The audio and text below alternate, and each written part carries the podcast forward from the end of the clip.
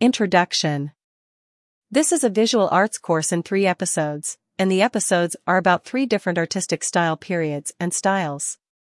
It is about surrealism, cubism, and pop art. The three artists we want to work with are Spanish Pablo Picasso, Spanish Salvador Dali, and American Andy Warhol.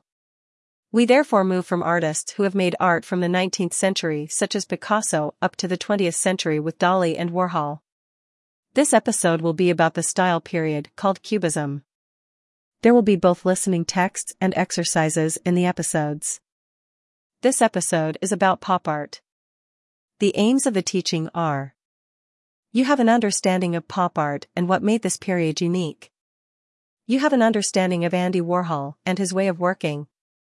You can express yourself with colored pencil or acrylic paint in the pop art style. So let's get started.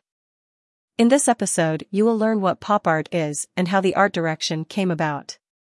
You should especially hear about Andy Warhol, who made pop art in many different and different ways. You also get a task where you have to create pop art. But what is pop art? Pop art is an abbreviation for popular art, which means popular art. It is an art direction that became known in the 1960s. Pop art uses themes from popular culture.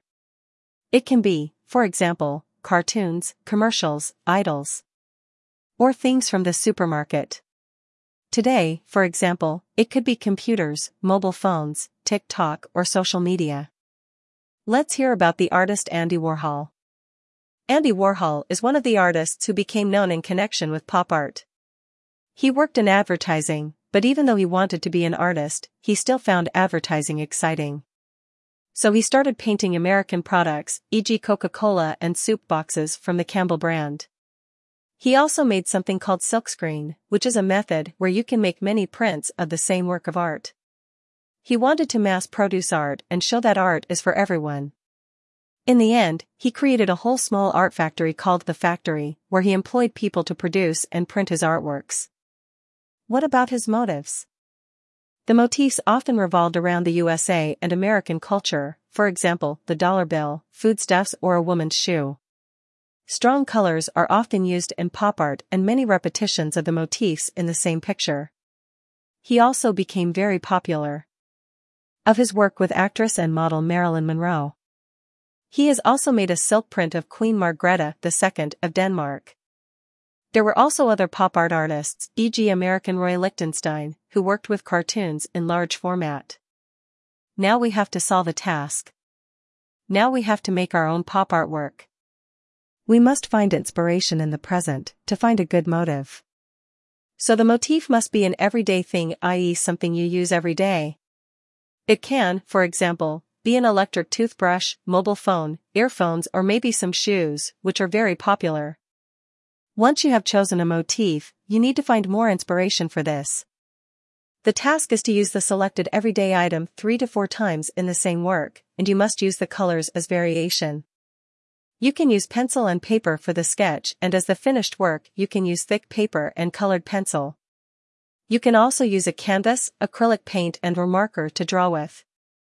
Here is an idea for how you can easily get started. 1. Draw some sketches of your chosen everyday object.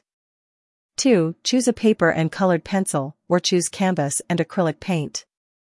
3. Make three or four squares on your paper or canvas, each with a different color. If it is with acrylic paint, you can paint the entire background, but if it is with colored pencil you can wait to color the background until later. 4. Draw your three or four similar motifs and paint or color them in different colors.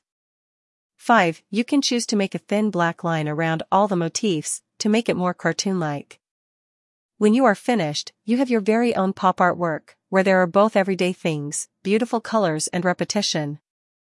If you want to make a little extra, it can for example be a text, like the type you see in the advertisements or on the brand you have chosen. Have fun with your own pop art artwork.